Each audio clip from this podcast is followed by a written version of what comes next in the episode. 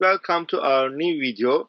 In this video, we will cover section 3.7 of the standard for project management, which is tailor based on context. Hello. What is important about this principle, Mr. Izgi?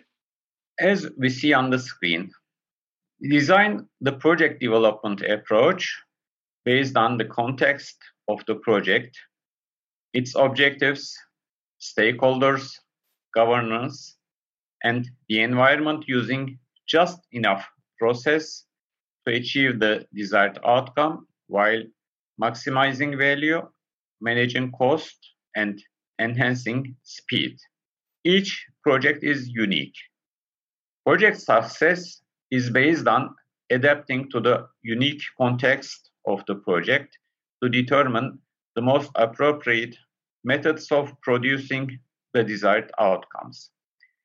Tailoring the approach is iterative and therefore is a continuous process throughout the project.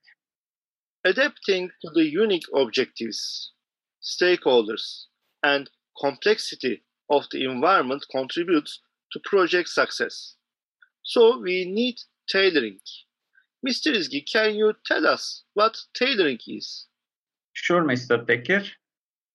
Tailoring is the deliberate adaptation of approach, governance, and processes to make them more suitable for the given environment and the work at hand. Project teams tailor the appropriate framework that will enable the flexibility consistently produce positive outcomes within the context for the life cycle of the project. The business environment, team size, degree of uncertainty, and complexity of the project all factor into how project systems are tailored. Project systems can be tailored with a holistic perspective, including the consideration of interrelated complexities. In summary, what does tailoring aim? Tailoring aims to maximize value, manage constraints, and improve performance by using just enough processes, methods, templates, and artifacts to achieve the desired outcome from the project. How does this interact with project management office and governance? Together with the project management office and considering governance, project teams discuss and decide on the delivery approach and resources required for producing outcomes on a project by project basis. This includes the selection of the processes to use, development approach, methods, and artifacts needed to deliver the project outcomes. Tailoring decisions can be an implicit action of accepting an established methodology. Conversely, tailoring can be an explicit action of selecting and mixing specific elements to see with the unique characteristics of the project and the project environment. Tailoring is necessary to some degree in every project because each project exists in a particular context. These are related to the uniqueness of the project, aren't they? Yes, they are. Projects are unique, even when the deliverable of the project does not seem unique. This is because project contexts differ in that the organization, its customers, its channels, and its environment are dynamic elements. Those changes and ongoing learning may cause project teams to use or develop different methods or approaches in pursuit of success. The project team should examine the unique set of conditions for each project so that they can determine the most appropriate methods of producing the desired outcomes. Can we start the tailoring work with an existing methodology or common way of working? An existing methodology or common way of working can inform the way in which a project is tailored. A methodology is a system of practices, techniques, procedures, and rules used by those who work in a discipline. Project teams may be required to assume the methodology of the parent organization.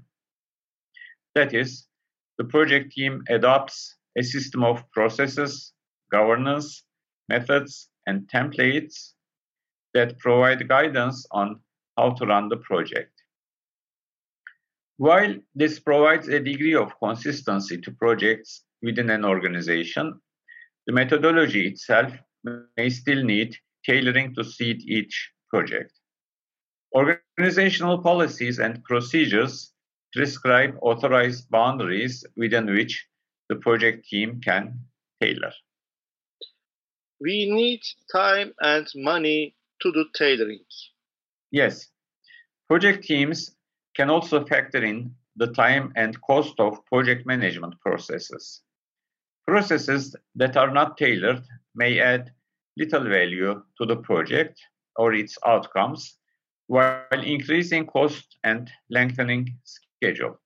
Tailoring the approach along with appropriate processes, methods, and artifacts can help project teams make decisions about process related costs and the related value contribution to project outcomes.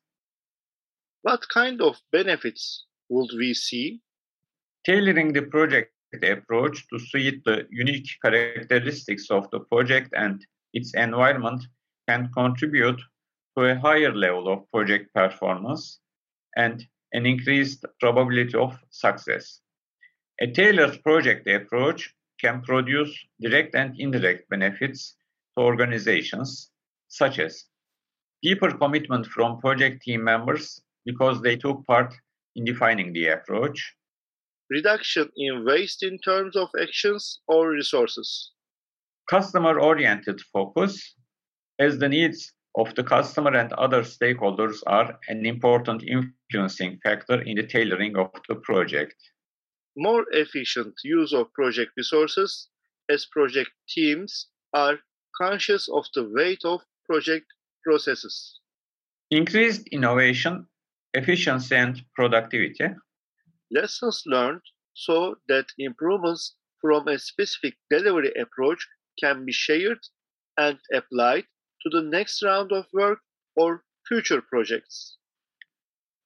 Further improvement of an organization's methodology with new practices, methods, and artifacts. Discovery of improved outcomes, processes, or methods through experimentation. Effective integration with multidisciplinary project teams of methods and practices used to deliver project results. And increased adaptability for the organization in the long term. The approach is iterative, isn't it, Mr. Izgi? Yes, it is. Tailoring an approach is iterative in nature and therefore is a constant process itself during the project lifecycle.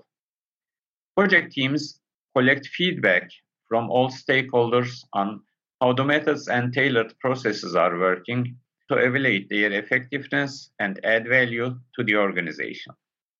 Okay, thank you, Mr. Izgi. We have reached the end of this video. Please subscribe to our channel and like our videos. You can find some templates on our Patreon page.